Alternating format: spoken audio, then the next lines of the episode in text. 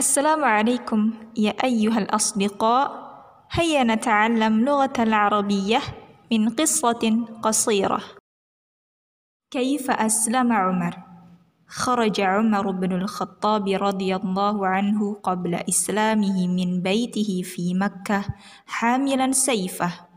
يريد أن يقاتل الرسول صلى الله عليه وسلم. فشاهده رجل في الطريق.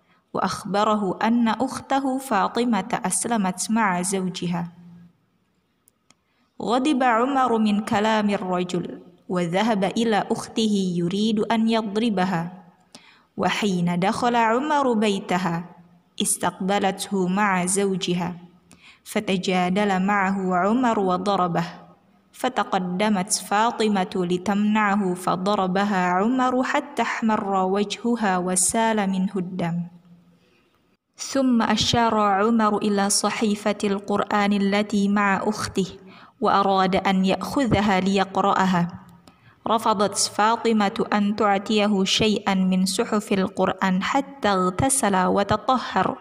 ثم قرأ آيات من سورة طه فانشرح صدره للإسلام.